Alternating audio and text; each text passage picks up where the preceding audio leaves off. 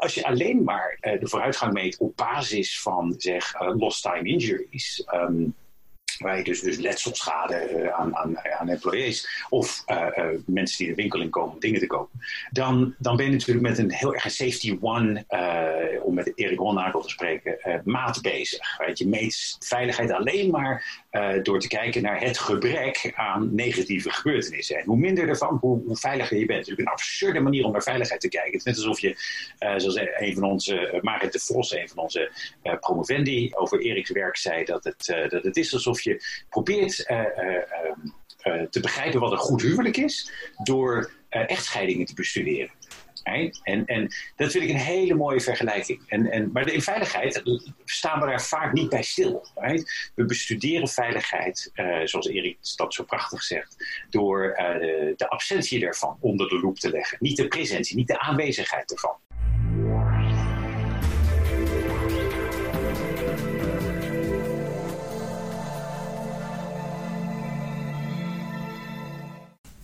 Safety Monkey Podcast. Timothy hier. Hoe gaat het met jullie? De Nationale Veiligheidsraad heeft net de bubbels naar vijf personen verkleind en de evenementen buiten dan toch naar 200 personen gebracht. Dus je zonen dit jaar nog een home run zien kloppen op het baseballveld, dat zal er niet meer in zitten. Maar naast het baseballveld een zomerbar organiseren mag dat weer wel. Hm. Nou, ook werd het idee gelanceerd om micromanagers, dat zijn onze burgemeesters, helemaal los te laten gaan. Wanneer je aan deze kant van de barrière loopt, dan moet je een mondmasker bij hebben. En enkel opzetten wanneer de afstandsregels of social distancing niet meer gegarandeerd worden of wanneer het druk is. Toch wel een redelijk logisch advies. Maar steek je de barrière over, moet je het mondmasker continu dragen. Ook al loop je alleen op straat rond om drie uur s'nachts met je hond. Het doet wat denken aan hoe dat we in veiligheid overal gestandaardiseerde PBM's opleggen in plaats van de wetgeving te volgen en dat pas te doen als een van de laatste maatregelen wanneer de risico's echt niet bedwingbaar zijn. Iedereen een helm, S3, schoenen aan, uh, lange broek, mouwen, handschoenen, een veiligheidsbril. En dan vraagt men, ja maar baas, we gaan toch maar gewoon een paaltje met een pancarde zetten om de omgevingsvergunning bekend te maken. Nu, aan de andere kant, het plaatst wel in de schoenen van wie het regeltjes worden opgeleid. Dat dan weer wel. Anyway, hier was het na lang zweten en herschrijven eindelijk een, een eindwerkvoorstel gelanceerd en kon ik eindelijk beginnen na de goedkeuring om mijn eindwerk te beginnen schrijven. En dat is weer eens afgekeurd. Dus het zal nog wel een niepte worden om een belofte van het begin van het jaar na te komen en dat eindwerk te kunnen afleveren.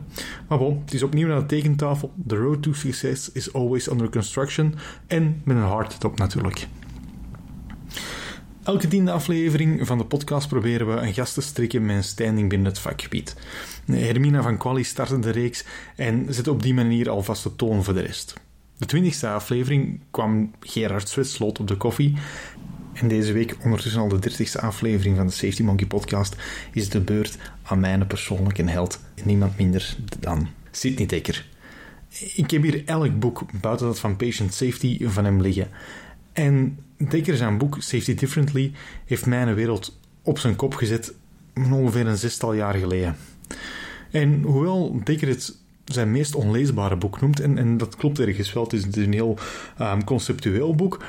Heeft bij mij toch wel een soort Cartesiaanse twijfel in gang gezet. En goed toegeven, ik heb het boek meermaals opnieuw moeten lezen, meermaals moeten wegleggen. Maar het is wel een boek dat ik iedereen aanraad. Sydney wordt heel vaak als zwart-wit ervaren. Ehm, je bent ofwel voor of je bent ofwel tegen. En de Safety Anarchist, wat mij persoonlijk mijn favoriete boek van hem is, zet hij dat ook gewoon op de cover. Nu, ik mocht zeker om 6 uur morgens ervaren op een feestdag. Ik kan je verzekeren, het was meer dan moeite waard om de koffiezet zo vroeg te laten doorlopen. Sterker nog, ik ga jullie er mee van laten genieten. Hier is Sidney Dekker op de Safety Monkey Podcast. Goedemorgen Sidney, welkom op de Safety Monkey Podcast. Voor zij die jou niet kennen, stel je even voor. Waar moet ik beginnen, Timothy? Ik, uh, ik ben uh, wat zal ik zeggen, een trailing spouse. Ik woon aan de andere kant van de wereld, waar ik nu in ballingschap zit, omdat reizen onmogelijk is. Mijn echtgenoot is biochemicus. ik ken haar al sinds ze zes is, is ook Nederlands. en we zijn hier naartoe verhuisd, twee banen, twee universiteiten tegelijkertijd. ik, um, ik leid het, Safety Science Innovation Lab hier op, op Griffith University in, in Brisbane, Australië. Een van de mooiste klimaten die je kan vinden ter wereld. Maar het is erg ver weg bij de rest uh, vandaan. Ik, dit is mijn zevende land. Ik heb ook af en toe een stukje gevlogen als, als professionele piloot tussendoor. Omdat ik het saai vond om alleen maar professor te zijn. Um, en um, ik schrijf ongeveer een boek per jaar. Wat je waarschijnlijk niet gelezen hebt. Maar dat is, ja, één daarvan heb je wel gelezen, heb ik begrepen. Meerdere, meerdere. Ja, kijk eens aan. Ja, maar ja, inderdaad, Safety Differently heeft, heeft voor mij wel, wel wat uh, verandering gebracht in, in mijn denken. Wat was eigenlijk de aanleiding van, van dat boek? Want het was uh, 2010, denk ik ongeveer, dat hij is uitgekomen. Ja, 14 geloof ik. Ja, ja, 14, ja. 14? Ja, 15, 14, 15, zoiets. Safety Differently, nou, ten eerste een compliment aan jou, Tim, want het is een van de meest onleesbare boeken die ik heb geschreven. Het, is, het argument erin is erg, erg... Wat, wat nou niet complex, maar um, thick zou het Engelse woord zijn om daarvoor te gebruiken. Het is, uh, het is niet uh, babyfood uh, wat zo makkelijk opgedist wordt als bijvoorbeeld The Field Guide of Just Culture, wat, wat gewoon wat makkelijker tot je te nemen is. Safety Differently is eigenlijk de opvolger van 10 Questions About Human Error, waarin ik een heel aantal naïeve, wat wij tenminste in de wetenschap zien als naïeve assumpties over human performance, over menselijk gedrag, aan de kaak stel. Um, ik heb daar op een gegeven moment uh, Safety Differently van gemaakt. Omdat toen ik uh, in Australië kwam, een paar jaar geleden, erachter kwam dat dit land eigenlijk helemaal zich niet bezighoudt uh, op een of andere serieuze wetenschappelijke manier met industrieën waar ik daarvoor mee bezig was. Zoals luchtvaart en gezondheidszorg en patiëntveiligheid en vliegveiligheid. Um, dus meer high-tech velden.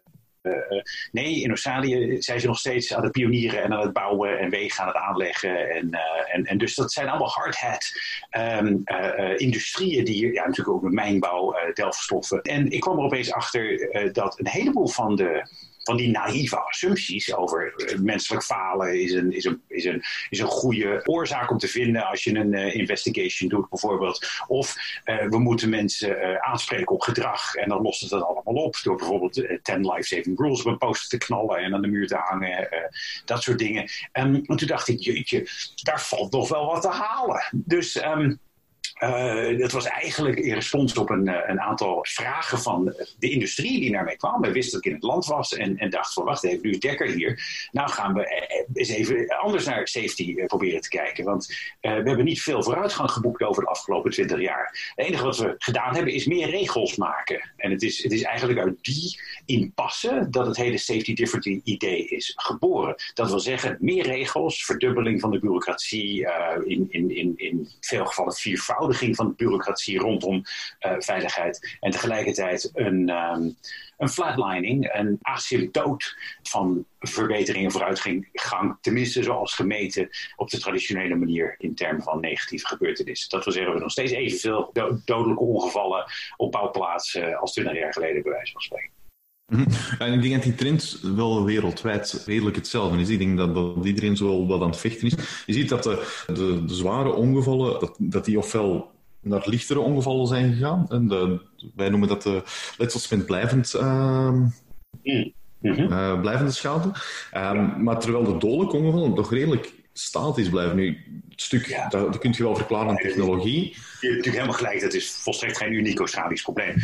Um, en het, is ook, het, het lijkt wel redelijk, redelijk solidair uh, door, door een hele scope aan sectoren uh, verspreid. Of je nou in de bouw bent, domeinbouw of andere industrieën, uh, lijkt het inderdaad het geval. Het, het, wat ik probeer uit te leggen was dat ik kwam daar pas achter toen ik hier in Australië per force werd geïntroduceerd aan...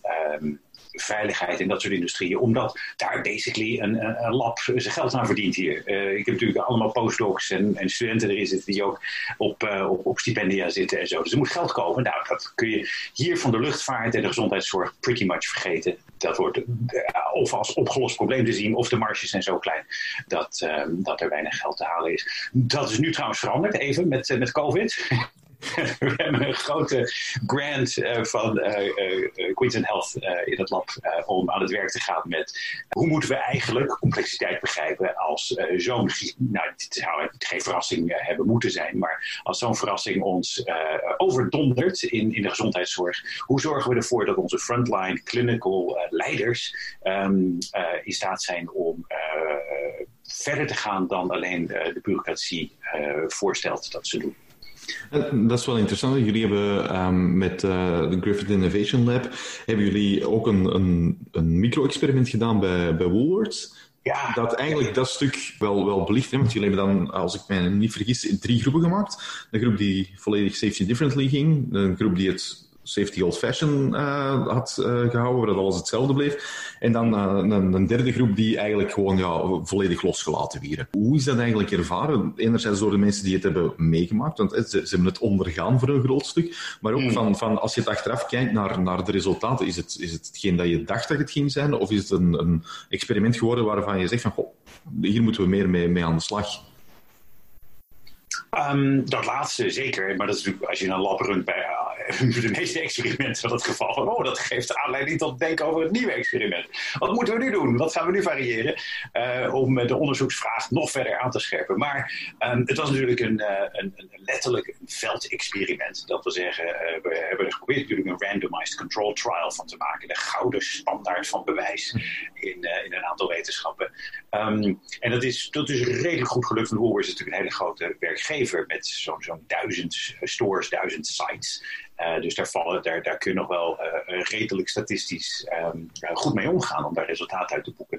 Wat, wat ons was opgevallen, boeiend, was dat, en je hebt het helemaal correct uitgelegd, dus die drie condities, is uh, nou, ten eerste, dat, had dat was eigenlijk niet zo verrassend. Dat de, theorie voorspelde dat natuurlijk al wel. Dat de beste resultaten uh, te vinden waren in um, uh, de groep die safety differently ging doen, maar daar ook wel adequaat in was getraind door ons. Um, de groep die we helemaal hebben vrijgelaten, daar kwamen wel wat boeiende innovaties uh, tevoorschijn. Maar het blijkt natuurlijk dat, en, en, en als je kijkt naar de literatuur over human resources en, zo, dan voorspelt hij dat al. Dat als je mensen een frame geeft en daarin een heleboel vrijheid, krijg je de beste resultaat. Als je ze alleen maar vrijheid geeft en geen enkel frame, dan is het erg moeilijk om aan die vrijheid invulling te geven. Duidelijk. dus um, de groep die alles deed zoals van tevoren, ja, die, die de muddled through, die, die creëert gewoon dezelfde problemen als, als voorheen. Um, hoe, meet, hoe maakten we de resultaten? Nou, dat, dat was natuurlijk altijd even een spannend, spannende vraag. Want als je alleen maar uh, de vooruitgang meet op basis van zeg lost time injuries. Um, waar je dus, dus letselschade uh, aan, aan, aan employees of uh, uh, mensen die de winkel in komen om dingen te kopen, dan, dan ben je natuurlijk met een heel erg safety one, om met Erik Ronnakel te spreken, maat bezig. Weet je meet veiligheid alleen maar door te kijken naar het gebrek aan negatieve gebeurtenissen. En hoe minder ervan, hoe, hoe veiliger je bent. Het is natuurlijk een absurde manier om naar veiligheid te kijken. Het is net alsof je, zoals een van onze, Marit de Vos, een van onze promovendi, over Eriks werk zei dat het, dat het is alsof je probeert uh, uh, te begrijpen wat een goed huwelijk is door echtscheidingen te bestuderen. En, en dat vind ik een hele mooie vergelijking. En, en, maar in veiligheid staan we daar vaak niet bij stil. We bestuderen veiligheid, zoals Erik dat zo prachtig zegt, door de, de, absentie daarvan onder de loep te leggen. Niet de presentie, niet de aanwezigheid ervan de afwezigheid ervan. Als het dus misgaat. Nou, dat is nu, zit ik even op een zijlijntje. Maar um, in, die, in het Woolworths experiment, wat we wilden doen, was de kans grijpen om in een veldexperiment te laten zien dat uiteindelijk, als je mensen freedom in een frame, dus vrijheid in een frame geeft om veiligheid op een andere manier aan te pakken, dat wil zeggen we meer initiatief en meer verantwoordelijkheid en macht bij uh, de, de, de individuele sites, de individuele winkels in dit geval, um, dan krijg je toch de beste resultaten. Ik had het over maten. Tuurlijk die beste resultaten waren te zien, ook in de absentie van incidenten. Sure, dat laat zich ook zien. Um, maar wat helemaal leuk is, is dat uh, natuurlijk ook een aantal psychologische maten erop afgesmeten. Nou, en wat je dan ziet, is, is de, de, het gevoel van uh, eigendom, ownership over veiligheid in de store gaat flink omhoog als je, als je mensen vrijheid in een, in een frame geeft. Het aantal initiatieven wat werkt voor die store, voor die winkel, voor die site is ook aanzienlijk hoger. Mensen zijn dan opeens veel beter in staat om de choreografie van hoe werk plaatsvindt in die zaak te gebruiken om werk veiliger te maken. Door verkeersstromen te, te scheiden. Natuurlijk helemaal relevant uh, vandaag, uh, de dag met COVID. Maar het leukste was, Tim, dat is natuurlijk veel meer resultaten. Maar we hebben er een film over, dus die heb je ongetwijfeld ook gezien. En anders uh, kunnen, we de, kunnen de link nog even aan mensen laten weten. Maar um, de, het leukste was dat uiteindelijk, en, en dit is, um, dit is een, een, een, een, bestraling geworden van de hele Woolworths. En dat, nogmaals, het is een hele grote werkgever. volgens mij is het zelfs de grootste uh, private werkgever van Australië. Um, maar dat kan ik mis hebben. Maar um, die, die uiteindelijk op basis van het Woolworth-experiment heeft ingezien van veiligheid, dat moeten we niet vanuit headquarters uh, uh, meer drukken op winkels. Want die, zijn, die hebben allemaal hun eigen context, hun eigen situaties, hun eigen constraints, hun eigen mogelijkheden en beperkingen.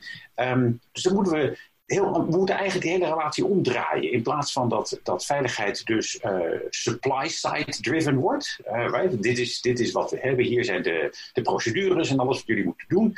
Maken we het demand driven. Dat wil zeggen, we laten de stores, de winkels bij ons komen. De sites, de, de individuele zaken bij ons komen. En zeggen, Um, nu hebben we jullie hulp nodig voor dit. Want wij proberen dit probleem lokaal op te lossen. En um, die flip is, uh, was, was buiten het model. Buiten alle voorspellingen. Um, en eigenlijk het prachtige resultaat. We hebben um, ook een aantal um, experimenten lopen momenteel, want we proberen zoveel mogelijk aan micro-experimenten te doen om ja, ergens ook die van validiteit, um, en zeker in een groot bedrijf, te kunnen aantonen. Een van de opmerkelijke dingen die we hebben gezien is dat het aantal burn-outs begint te dalen. En ik durf niet te pretenderen dat het aan ons ligt, maar het is wel heel Um, interessant om te zien dat het eigenlijk heel geconcentreerd is op die, de unit waar wij eigenlijk ons, ons hebben ah. toegelicht. Ik hoop dat je dat gaat publiceren. Dat klinkt als een prachtig resultaat. Ja, ik, uh, ik hoop het ook, maar dan moet ik eerst oorzaak en gevolg met elkaar kunnen uh, aanbinden. Ja, maar wat we ook hebben gezien is dat, dat, dat mensen, en ik denk dat dat stuk ook wel dat ownership is van, van wat jij zegt, veel gedrevener zijn om dingen uit te vinden. Ik denk dat dat ook een stuk die, die mastery en die autonomy en purpose van, van, van dezelfde determinatietheorie is, die daar wel echt wel tot zijn, tot zijn, uh, ja. zijn voegen komt. Zijn, we het, hebben we het al aan geloofd in, in dat soort uh, command and control verhalen? En als je kijkt naar uh, vroeger het behaviorisme in de jaren tachtig, uh, dat opkwam in, in veiligheid. Nu, ondertussen is het de nieuwe flavor of the month neuroscience. Geloof er nog veel te sterk in dat we de mensen moeten gaan controleren, het gedrag moeten gaan controleren. Terwijl we misschien eerder dus moeten kijken van, kijk eens nou wat die mens wilt. Hmm. Hmm. Ja, natuurlijk prachtig. Uh, de, de, resultaten die je daar dan mee hebt, die zijn theoretisch goed te verklaren op basis van wat we in de psychologie natuurlijk al heel lang weten. alles wat bijdraagt aan het gevoel van geleerde hulpeloosheid bij mensen. En natuurlijk een acceleratie betekent naar, uh, naar burn-out, naar mogelijke burn-out. Alles wat mensen meer controle geeft over de invulling van hun werk. Uh, over de, meer autonomie um, is, is, is natuurlijk heel sterk gecorreleerd aan het, uh, aan het uh, voorkomen van burn-out. Prachtig, dat klinkt heel mooi. Kijk, en uiteindelijk wat dat ook dan weer aangeeft, Tim, is dat waar we natuurlijk mee bezig zijn, ik geloof zowel theoretisch als praktisch, is niet veiligheid. Ja, dat is precies een van de, een van de hele meetbare, zichtbare uh, en, en, en, en moreel ook opzwepende uh, aspecten ervan. Uh, dat mensen maken zich daar zorgen over. Ja, safety comes first. Dat, dat. Um, maar waar we uiteindelijk mee bezig zijn, is, is werk en menselijke intenties en autonomie en motivatie en dat soort dingen. Um, en dat betekent dus ook dat we in dit safety differently werk niet noodzakelijk ons heel erg baseren op um, wat traditioneel geassocieerd wordt met, met, met, uh, met veiligheid in, in, dit soort velden, zoals behavioral-based safety of zo. Daar geloof ik überhaupt niet in, daar kunnen we nog over praten. Maar, um, maar veel eerder met uh, de psychologie van werk. Ja, ah, absoluut. En ik denk dat dat ook een, een punt is waar, waar daar uh, nog veel werk aan is, dat eigenlijk veiligheid in, in de, de moment dat de, frontline, um, we hadden het er juist nog over de, de nurses, uh, maar neem een operator, neem gewoon iemand aan het werken is, voor hem of haar is, is een handeling niet veiligheid, niet kwaliteit, niet werk. Het is allemaal één ding, het is gewoon werk. En, en ergens maken we die verzuiling wel, maar we vergeten dat die zuilen met elkaar moeten spreken, denk ik. En terwijl dat, dat wij dan ons, met ons veiligheidsprogramma komen, komt kwaliteit met een programma. En dan, ja, dan die operations manager heeft zoiets van, ja, maar dan moet hier ook gewerkt worden. Hè? Kan er iemand daar ook iets mee doen? Voor, de man die, en de vrouw die vooraan de frontline staan, is er geen verschil tussen veiligheid, tussen kwaliteit en tussen uh, operations, want voor hun is dat dagdagelijks werk. Terwijl dat, als je dan kijkt naar hoe dat, um, die departementen zijn opgedeeld, heb je een, een, departement veiligheid, departement kwaliteit en dan operations die dan ook nog vinden dat er moet gewerkt worden.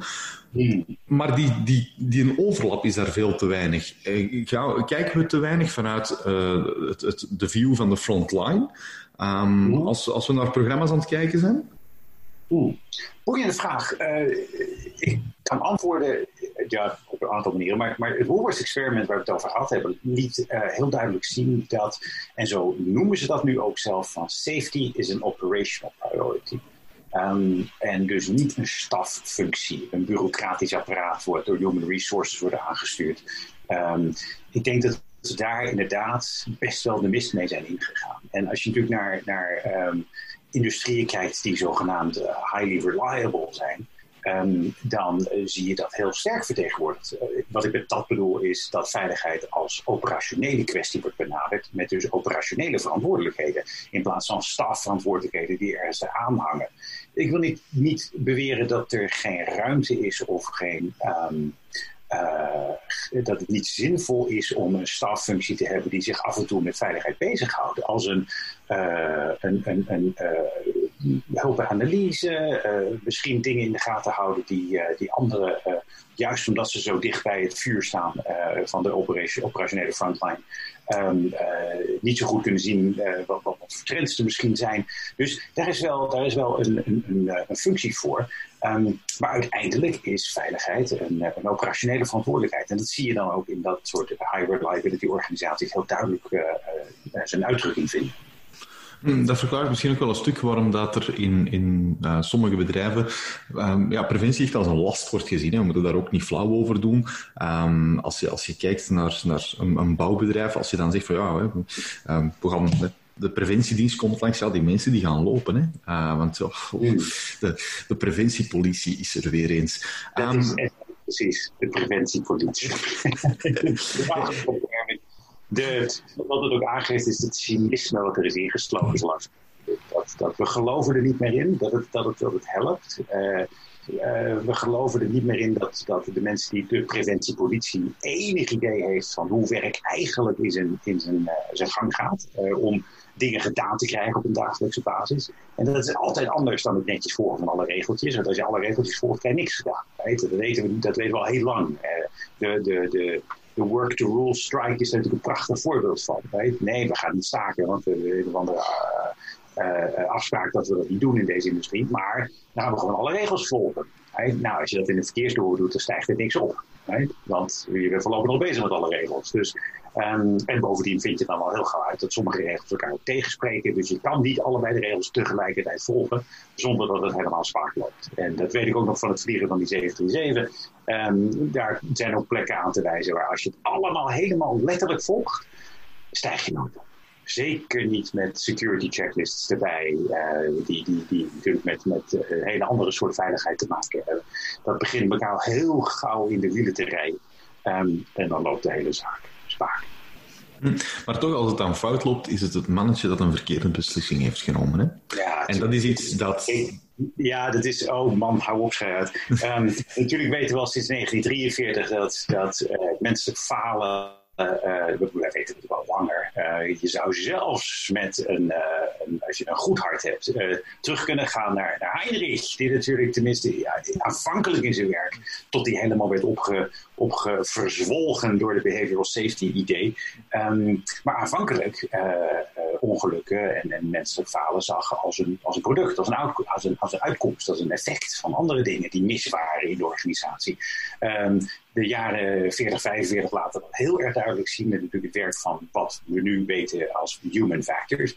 Um, dat menselijk falen is een effect, is geen oorzaak. Het komt ergens vandaan. Het is te herleiden, heel makkelijk te herleiden, tot uh, de taken en de gereedschappen die je mensen geeft om dingen mee te doen. En de tijdsdruk en de organisatie eromheen. Um, het is heel lastig om te voorspellen waar dat falen dan gaat gebeuren, maar, uh, of wanneer. Maar het is, het is niet moeilijk om te voorspellen dat of, of, of inderdaad waar het gaat gebeuren. Want dat kun je gewoon analyseren. Ehm, en en uh, om 80, 90 jaar later te moeten constateren dat menselijk falen uh, onder wat voor noemer dan ook, loss of situation awareness, uh, um, complacency, wat voor rare woorden we er ook voor gebruiken, onder wat voor noemer dan ook nog steeds zo'n grote legitimiteit geniet. Um, zeker onder mensen die of beter zouden moeten weten, of hele, hele belangrijke politieke managerial motieven hebben om op die manier ernaar te kijken. Um, is, ja, ik vind het niet meer verontrustend, uh, want het, is, het gebeurt te veel. Um, maar geeft aan dat menselijk falen, zoals Richard Cook dat prachtig zegt, een heel bruikbaar concept is. Bruikbaar concept, want het lost voor ons, als we verantwoordelijk zijn voor een bepaalde operatie, hele grote problemen op. Noem het gewoon menselijk falen. En je hoeft niet na te denken over redesign, je hoeft niet na te denken over herontwerp, je hoeft niet na te denken over um, uh, of, of de, de soort van werkdruk die je op mensen legt uh, wel, wel juist is. Um, dat soort vragen vermijd je allemaal. Je gewoon zeggen van, ja nee, je gaat beter moeten uitkijken. Oh, tuurlijk, ja nee. Dan, nou, dan weet je wat, dan doen we een poster op de muur die zegt dat je beter moet uitkijken. Right? En dan weet je, in plaats van 10 life saving rules maken we er 11 van. Um, want nu hebben ontdekt dat mensen ook nog op een elfde manier uh, in de klem komen te zitten. Dus dan gaan we ook zeggen dat ze daar beter op moeten letten. Um, het is dodelijk vermoeiend dat mensen nog steeds geloven dat je op die manier veiligheid moet bedrijven.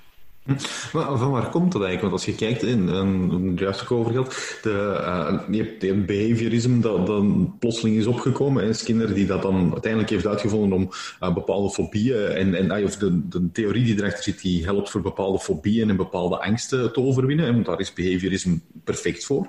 Nu, tegenwoordig heet het dan neuroscience, en dan gaan we kijken wat de synapsen uh, met elkaar werken. En blijkbaar wordt dan heel het gedrag daarmee gestuurd. Waarom geloven, ay, geloven vooral preventieprofessionals, dit soort um, ja, wetenschappelijke onzin. En daar wil ik niet mee zeggen dat neuroscience en behaviorisme onzin is. Ik zeg enkel, ik wil enkel zeggen dat dat onzin is in de wereld waar wij ons in vertoeven.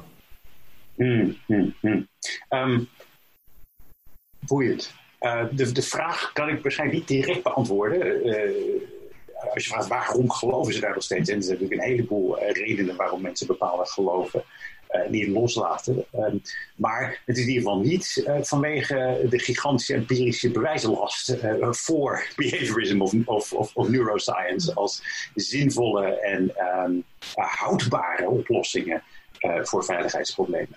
Um, behaviorism heeft natuurlijk zijn langste tijd gehad in de jaren 30, nog even doorgeknabbeld in de jaren 50. Um, en daarna eigenlijk door zowel human factors, system safety en vervolgens uh, het hele idee over organizational accident uh, theory en, en um, uh, het werk van een hele, heleboel groepen at the time, Turner, high Reliability, uh, zelfs Uncle Jim, right, James Reason, um, heeft het sinds, sinds de jaren, eigenlijk sinds de jaren 30, niet echt meer legitimiteit wetenschappelijk gesproken. Praktisch gesproken begrijp ik dat er heel veel geld te verdienen is aan behavioral safety, omdat het een goedkope oplossing is. Als het, als het vooral zich concentreert op het andere mensen uh, zich bewust maken van bepaalde risico's en ze daar beter op laten letten met een bepaalde training. Um, nogmaals, dan hoef je dus niets te veranderen aan de werkdruk, je hoeft niets te veranderen aan het tempo, je hoeft niets te veranderen aan het ontwerp waarin die mensen worden neergezet om hun taken uh, te verrichten. Um, dus het is op zich, alhoewel behavioral safety een, een dure consultant kan opleveren, maar behalve dat kost het je weinig. Um, en het, het, is natuurlijk een hele uh, mooie uitlaatklep voor als er toch iets misgaat. Zowel uh, wat betreft aansprakelijkheid als verantwoordelijkheid. Want dan kan je zeggen, ja, maar we hebben je het verteld. Als je dan nog steeds niet oplet, ja, dan moet je, weer moet je niet bij mij komen huilen. Dat je een ander bordje moet ophangen of zo. Dan hebben we hiervoor getraind. Dat hebben, right? Dus um, ik, het is een enorme kop-out. Nou, dan zijn er nog andere aspecten aan. En dat is natuurlijk dat, dat wat neuroscience betreft. Um, oh, sorry, nog even terug naar behaviorism. Dus kijk, waar geloofden we toen in? Is dat de wereld is, is, is fixed. Daar kun je niks aan veranderen. En dat is, dat is de wereld waarin behaviorism als als, als psychologische oplossing um, voor sociale en maatschappelijke en andere problemen, individuele problemen, um, tevoorschijn kwam. Dat was een wereld waarin we niet wisten dat de dingen konden veranderen, zodat daarmee het gedrag kon veranderen. Wat laat nou human factors zien? Als je gedrag wil veranderen, moet je niet gedrag gaan zitten veranderen. Dat is stom en niet houdbaar. Dat werkt niet. Maar het werkt heel kort. Um, als je gedrag wil veranderen. En dat, trouwens, dat zie je ook in behavioral safety interventies. Hè. Meestal, het is net alsof je een suikerpil neemt. Opeens gaat bloedsuiker woef, omhoog en alles is prachtig. En drie jaar lang uh, veel minder LTI's. En wat gebeurt er dan? Is Dupont op bezoek geweest en dan, dan drie, ja, jaar later loopt het allemaal gewoon weer op de asymptoot. En uh, uh, gebeurt er weer niks. Geen enkele vooruitgang te boeken. Um, dus de suikerpil is genomen, de posters is opgehangen, iedereen enthousiast. En vervolgens is er niets meer van over. Um, dus Nee, zegt Human Factors, als je gedrag wil veranderen, moet je gedrag veranderen. Nee, als je gedrag wil veranderen, moet je de situatie die dat gedrag uh, oproept, moet je veranderen. Daar moet je naar kijken, daar moet je mee gaan sleutelen. Um, dus uh, nogmaals, maar dat, dat kan al heel gauw in de papieren leiden. Want dat betekent dat je herontwerpt moet doen van procedures, van designs, van mensen mee werken, uh, werkdruk. Nu zijn we weer terug bij dat soort vragen. Nog even naar neuroscience als, als um, ja, uh, als uh, het nieuwe, nieuwe geloofsartikel in, in veiligheid. Um, voor mij heeft het alles weg, Tim, van zeg maar, de nieuwe frenologie. Uh, op een gegeven moment hadden we natuurlijk frenologie als, als belangrijke psychologische leer, waarin we echt geloofden dat de, de vorm van iemands schedel uh, een, een, enorm predictief vermogen had. Uh, dus als je een, daar komt ook het woord wiskundeknobbel of taalknobbel vandaan. Dat is oude frenologische concepten. Nou, je praat inmiddels over 110, 120 jaar geleden dat dat populair was. Um, maar frenologie, wat dat natuurlijk doet, het is een soort materialistische psychologie. Dat wil zeggen dat je psychologische trekken terugvindt in de materie.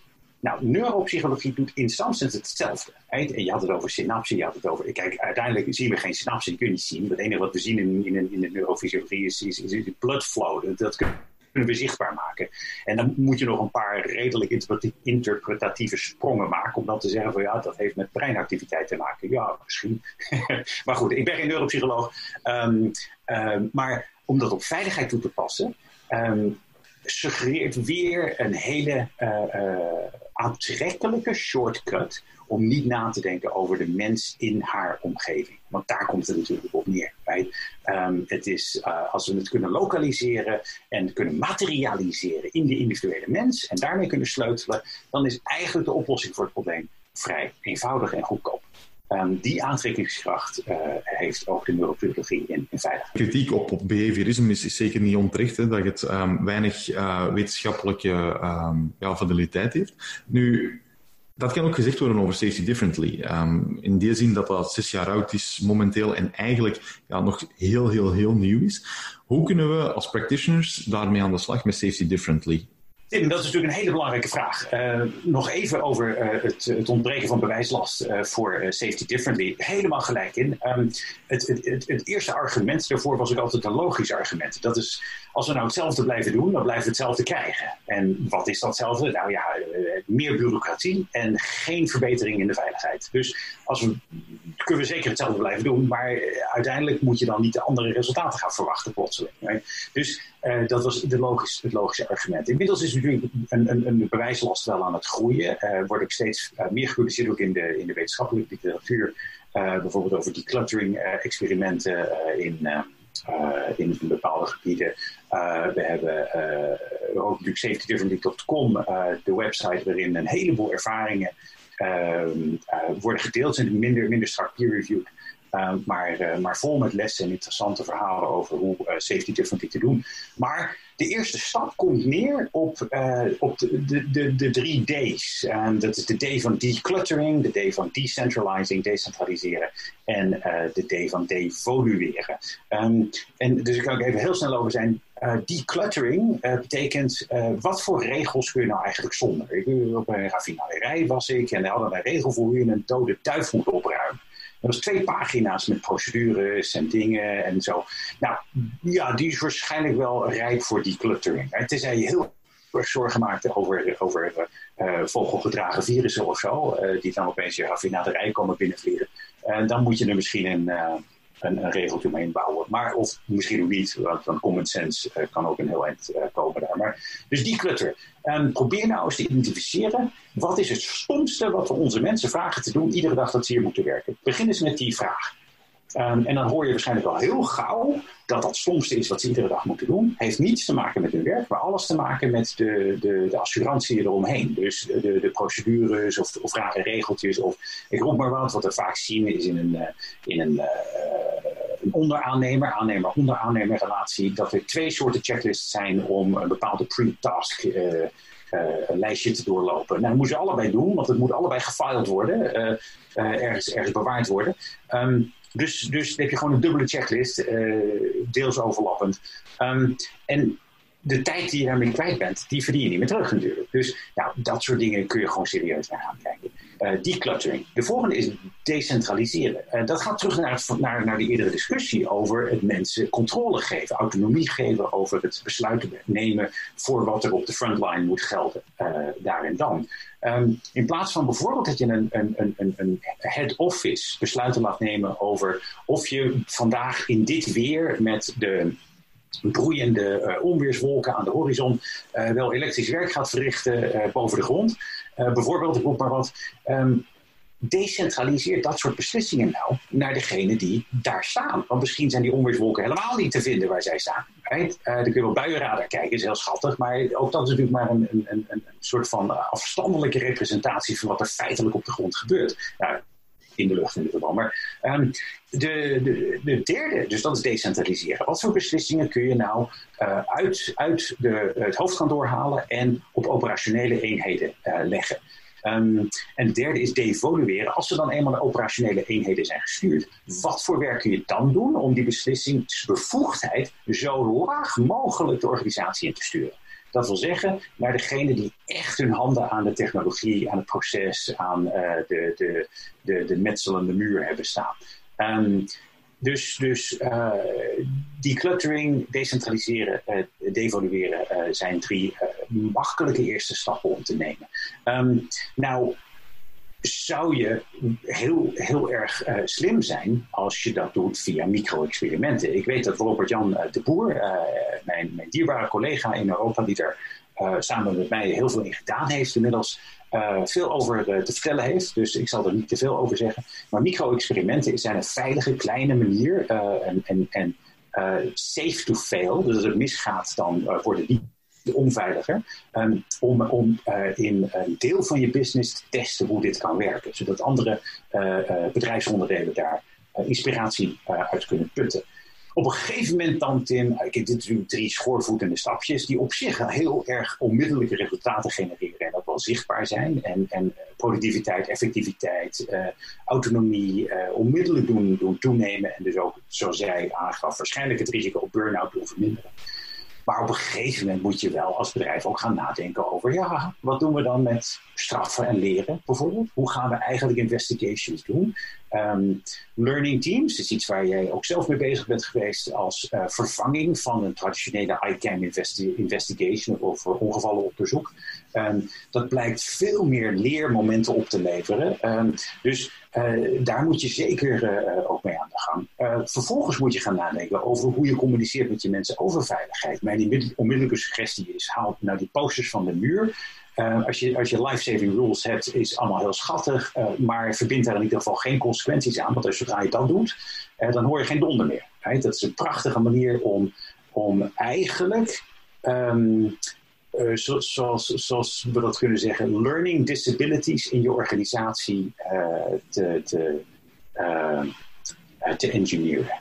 Um, vergeef me het, het, het, het Nederlands-Engels. Maar, um, dus er zijn een aantal steeds moeilijker wordende vragen en tricky wordende vragen die je toch onder ogen moet gaan zien op een gegeven moment als je safety differently wil doen. Haha, vonden jullie hiervan?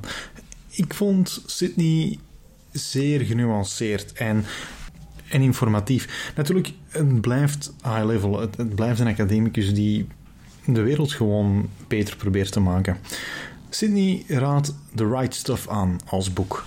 The Right Stuff van Tom Wolfe is een levendig en vermakelijk uh, boek van het vroegere ruimtevaartprogramma in Amerika. En, in dat boek vraagt Tom Wolfe zich af: wat maakt er nu iemand bereid om bovenop een enorme bom vol waterstof te gaan zitten en eigenlijk gewoon te wachten totdat iemand de lont aansteekt? Arrogantie, domheid, moed of gewoon de kwaliteiten die we the right stuff noemen. En The Right Stuff is een monument uh, voor, de mannen die eigenlijk streden om de Russen te verslagen om als eerste in de ruimte te gaan. En het is, het is een reis naar de mythologie van het Amerikaanse ruimtevaartprogramma en een duizelingwekkende duik in het zweet, de angst, de schoonheid en het gevaar en om dat gloeiend hete randje te balanceren waar men toen op stond in wat later de hedendaagse geschiedenis werd. Dit was het dan weer voor deze podcast, mijn beste podcastaars. Vertel het door aan je collega's en vrienden. Abonneer je. Blijf nieuwsgierig. Stel alles in vraag. En tot de volgende podcast.